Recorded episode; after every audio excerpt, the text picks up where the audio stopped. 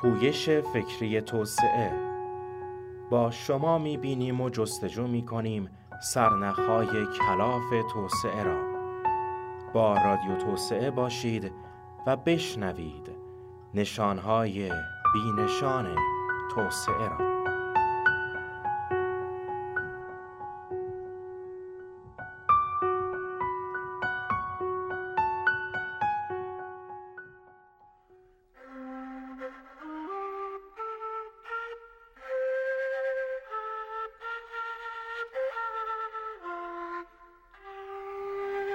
در روایت پیشین از مجارستان چشمان توسعه را بر این کشور گشودیم و مجارستان را هم در پیچ و تاب توسعه انداختیم تا ببینیم سهم این کشور از این سفر پرماجرا چه بوده است.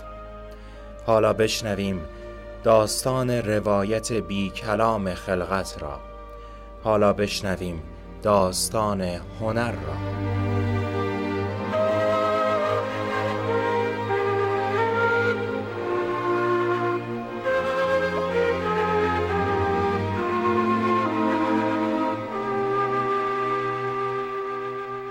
دنیای هنر دنیای توسعه.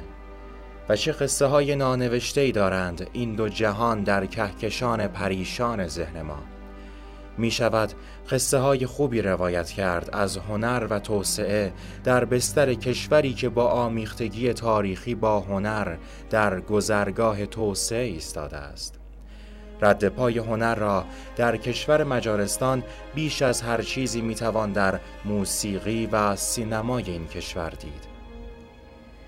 موسیقی می‌تواند سخن بیواژه از تاریخ آدمها و ملتها باشد. آن زمان که شاید دیگر کلامی صلح و همدلی را در روح خسته انسانها نمیدمد دستان جادویی موسیقی اصیل می تواند جان دوباره به همدلی ملی و هویت ملی بدهد.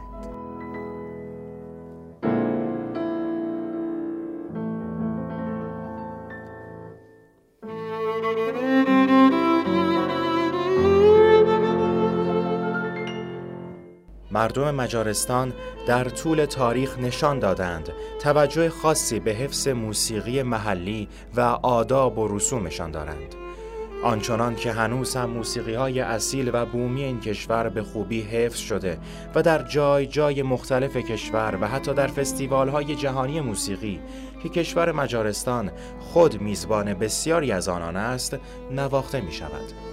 حفظ اصالت موسیقی بومی و تاریخچه پربار موسیقی این کشور تأثیر بسیاری بر حفظ هویت ملی در میان مردمان این کشور داشته است.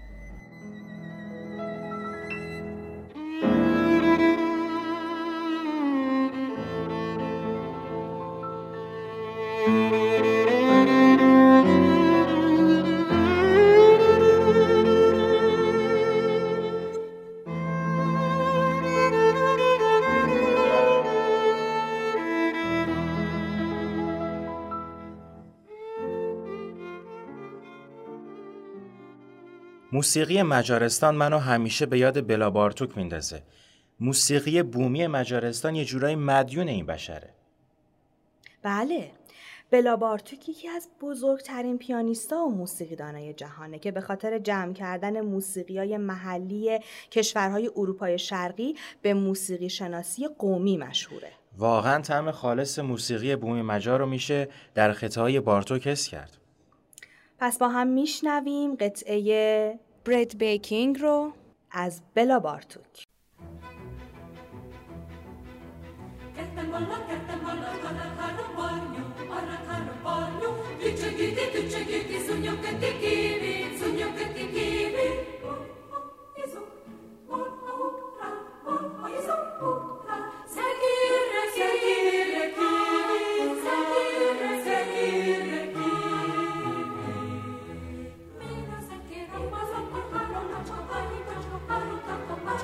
Thank you.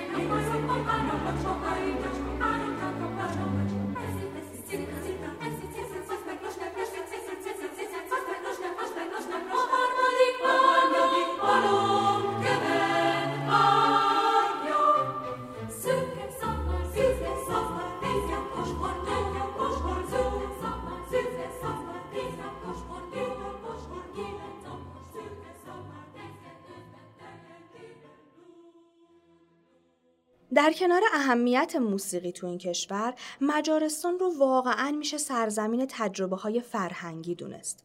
مردم مجارستان سنت های عجیب خیلی زیادی دارن و تو حفظ کردن اونها هم واقعا مصرانه تلاش می‌کنن. هرچند استقامت در حفظ این سنت از نظر توسعه واقعا جای بحث داره اما نمیشه از جاذبه توریستی که این سنت ها آداب رسوم ایجاد می‌کنه غافل شد. ببین رسومات خاص این کشور انقدر زیادن که تقریبا هر ماه توی قسمت از این کشور یه فستیوال بزرگ برگزار میشه. فستیوال هایی پر از رقص و موزیک و هیجان. بعد نیست راجع به چند تاشون حرف بزنیم. آره مثلا فستیوال اصلاحات رومانتیک تو این فستیوال میشه به راحتی به قرن 19 هم سفر کرد. به لطف عصر اصلاحات در مجارستان جنبه های سنتی و فرهنگی این کشور مثل لباس پوشیدن، هنر و موسیقی با یه رونسانسی همراه شد. تو این فستیوال غذاها، موسیقیها، لباس، رقصها همه چی شکل قرن 19 هم میشه. مجارها با زنده نگه داشتن فرهنگ و هنر اون زمان این فستیوال رو به یکی از زیباترین فستیوال های جهان تبدیل کردن.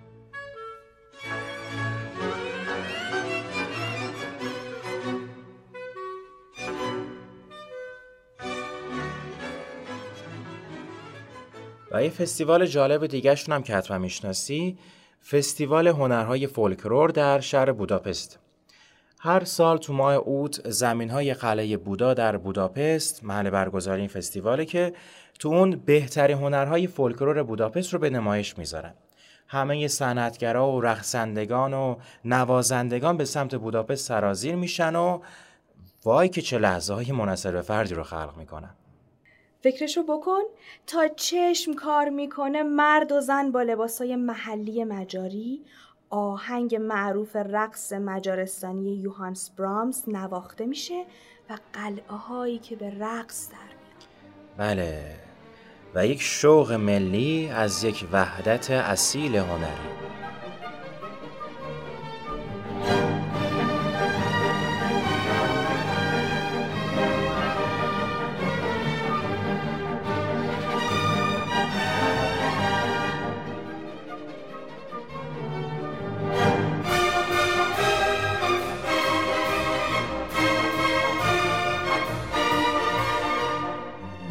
کشور زیبایی.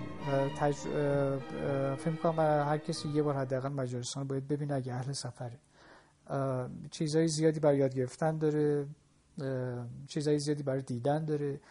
توی موزه هاشون موزه های فوق العاده زیبایی دارن. یه موزه دارم اسم موزه در مورد تاریخ معاصر مجارستان اسمشو اگه اشتباه نذاشتم اشتباه نکنم اسمشو هورر گذاشتن. مطمئن نیستم الان توی ذهنم نیست ولی فوق العاده موزه تاثیرگذاری به خاطری که با یک کاملا طراحی هنرمندانه اینها تاریخ معاصرشون رو اونجا به بازدید کننده ها نشون میدن. به شکل مالتی مدیا به فضاسازی بازسازی حتی مثلا زندان هاشون بازسازی شرایط جنگشون تصاویری که اونجا استفاده شده خیلی conceptual شبیه conceptual art هنرهای مفهومیه. فوق العاده زیباست. یعنی شما اونجا میری به من ساعت ها اونجا قدم می‌زدم و دلم نمی‌خواست بیرون بیام. ساعت موزه تموم شد مجبور شدم بیام بیرون. چهار ساعت من توی موزه میچرخیدم و همچنان سیر نشدم. فوق العاده هنرمندانه ساخته شده. یکی از جذاب ترین بخش های فرهنگی مجارستان همین مسئله تمایل مردم به هنره. فوق العاده کشور هنردوستی موسیقی فوق العاده تاثیرگذاری دارن اپراهای فوق العاده ای دارن. سینماشون سینمایی که در سال تولید کمی داره و تولید ولی تولید با کیفیتی داره مرتب جوایز بین المللی می‌گیره ادبیاتشون ادبیات مهمیه.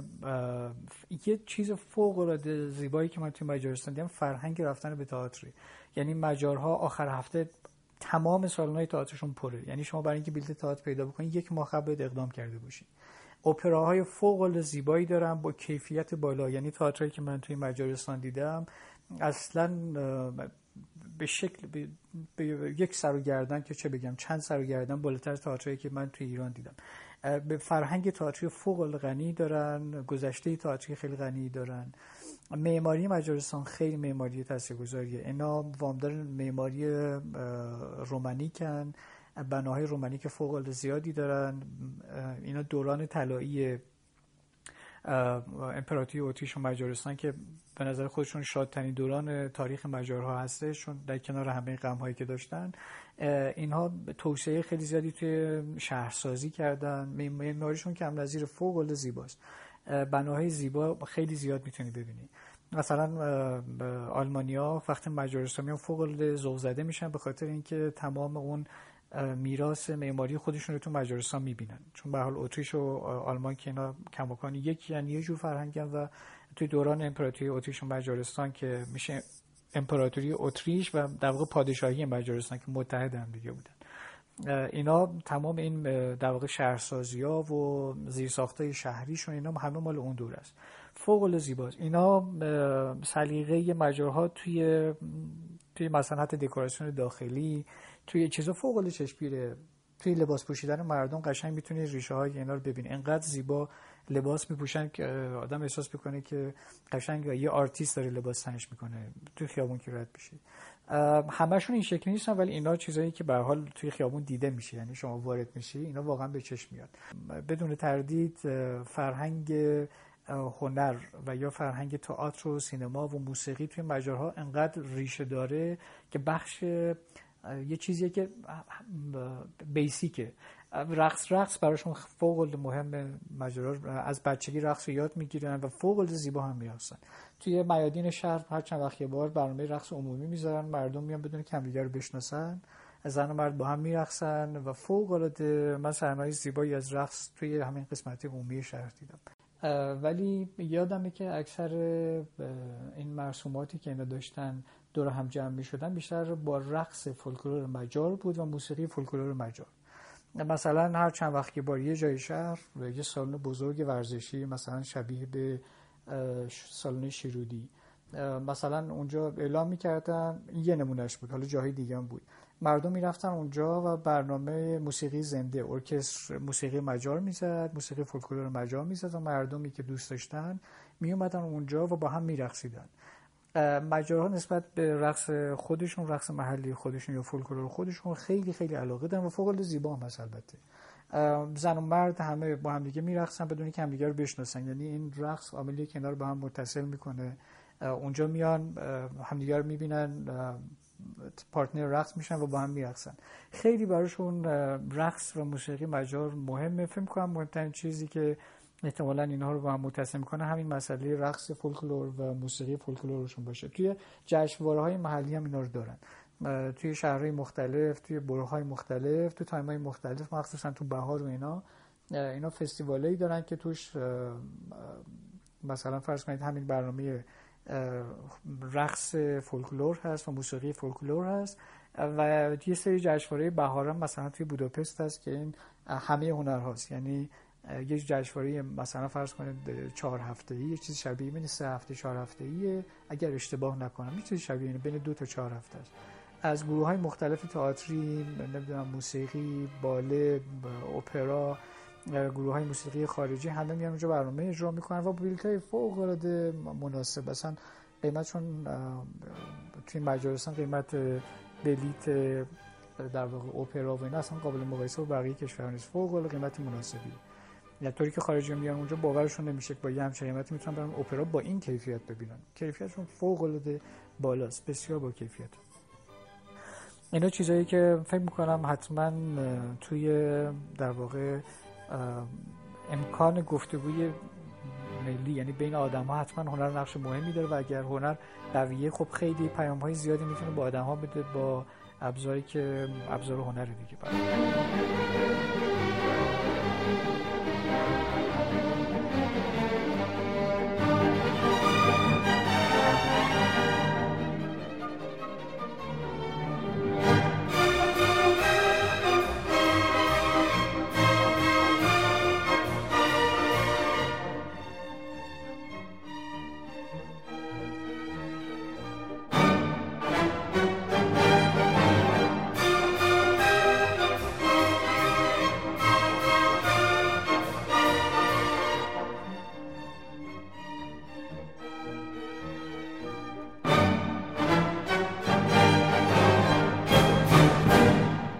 خب در کنار همه اینها از سینمای مجارستان نمیشه گذشت. وای سینما سینما. تبلور هنر و صنعت. اونم تو مجارستان که یکی از پیشگامان سینمای هنری تو جهانه. سینمایی که تو خودش نامهای بزرگی از کارگردانان معلف و جای داده. کارگردانایی مثل میکلوشیانچو یا بلاتار. بلاتار که یکی از نابغه های سینماه. نابغه ای که زبان سینما رو بدون وابستگی به ادبیات گسترش داد و حتی کارگردان هایی که در سینمای هالیوود نقش بینظیری داشتند مثلا مایکل کورتیس. با یکی از شاهکارهای تاریخ سینمای کلاسیک کازابلانکا.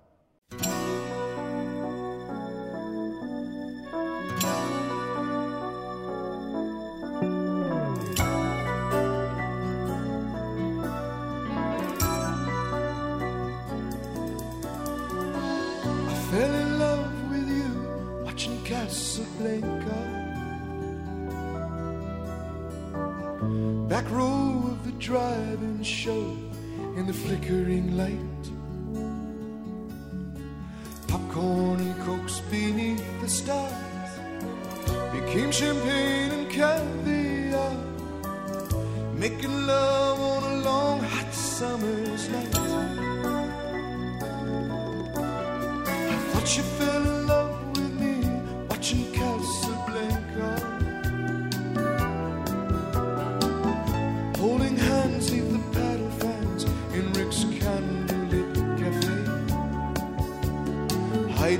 shadows from the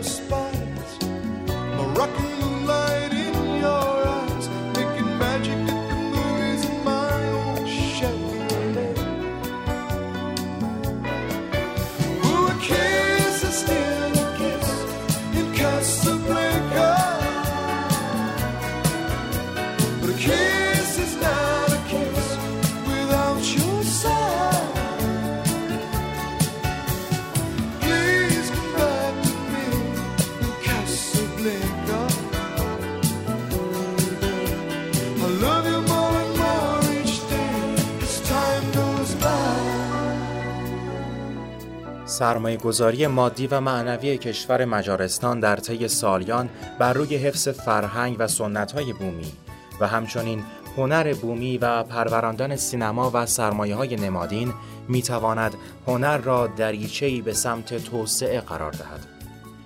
قدرت اثرگذاری هنر برای اتحادی عظیم در جامعی گاه می تواند در حد یک مانیفست سیاسی باشد.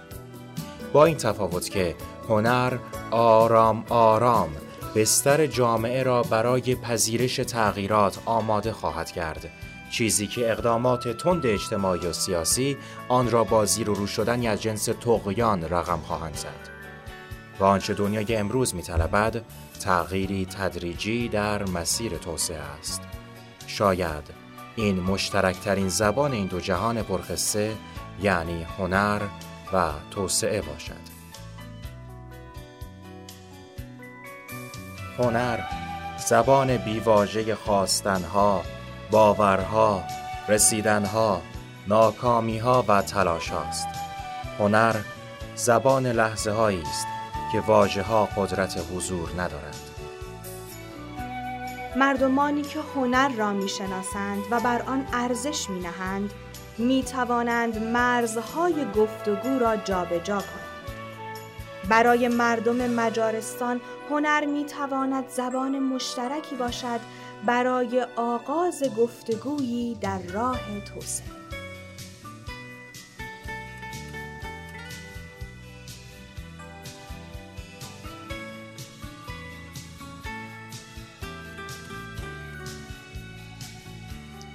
تهیه کننده پویش فکری توسعه صدا پیشگان مهدخت چرخشت. مجتبا مرتزوی نویسنده مهدخت چرخشت. مهمان برنامه خسرو خسروی.